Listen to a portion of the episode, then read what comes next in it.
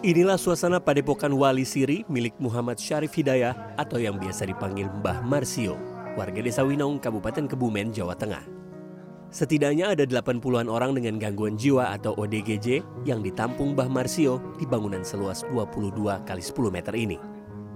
Mbah Marsio yang kini berusia 90 tahun memang telah lama merawat dan menampung puluhan ODGJ di tempatnya hingga mereka sembuh. Ia bahkan mendapat julukan sebagai Raja Orang Gila akibat aktivitas yang ia lakoni sejak masih berusia 20 tahun. Mbah Marsio sama sekali tak memungut biaya bagi keluarga ODGJ yang ditampung di tempatnya.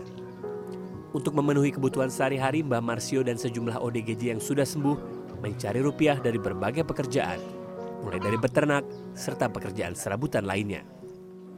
Saat ini dari 80 ODGJ yang ada, 30 orang di antaranya telah sembuh mereka memilih menetap di Padepokan Wali Siri untuk membantu Mbah Marsio merawat ODGJ lainnya. Kemarin kono mau tanah Jawa tiga tahun. Bar Islam umur 16, berarti telung tahun kan 19. Nah saya pulang orang gila kami ke, kemari itu bodoh meriki orang kulo kulit bungkumblung orang.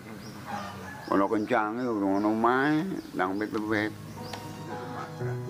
Selama Mbah Marsio mendirikan padepokan ini sudah banyak ODGJ yang telah sembuh, kemudian memilih kembali pulang ataupun dijemput pihak keluarga mereka. Asalnya Jakarta, Jakarta. Mampang Pela. Mampang. Ini udah berapa setahun? Satu, satu tahun lebih. Kegiatannya apa aja kalau di sini Bu? Bikin di sini aku itu masak sayur, terus nyapu. Ini senang tinggal ya, di sini? Ya buktinya begini biasa aja. Oh. Ya senang lah. Kalau nggak senang ya bagaimana? Namanya banyak. Padepokan Mbah Marsio juga kerap menerima pasien dari sejumlah rumah sakit jiwa di Jawa Tengah. Dalam menjalankan padepokannya, Mbah Marsio hanya mau menampung ODGJ yang dilengkapi dengan surat pernyataan dari para penanggung jawab. Bambang Jati Asmoro, Kebumen, Jawa Tengah.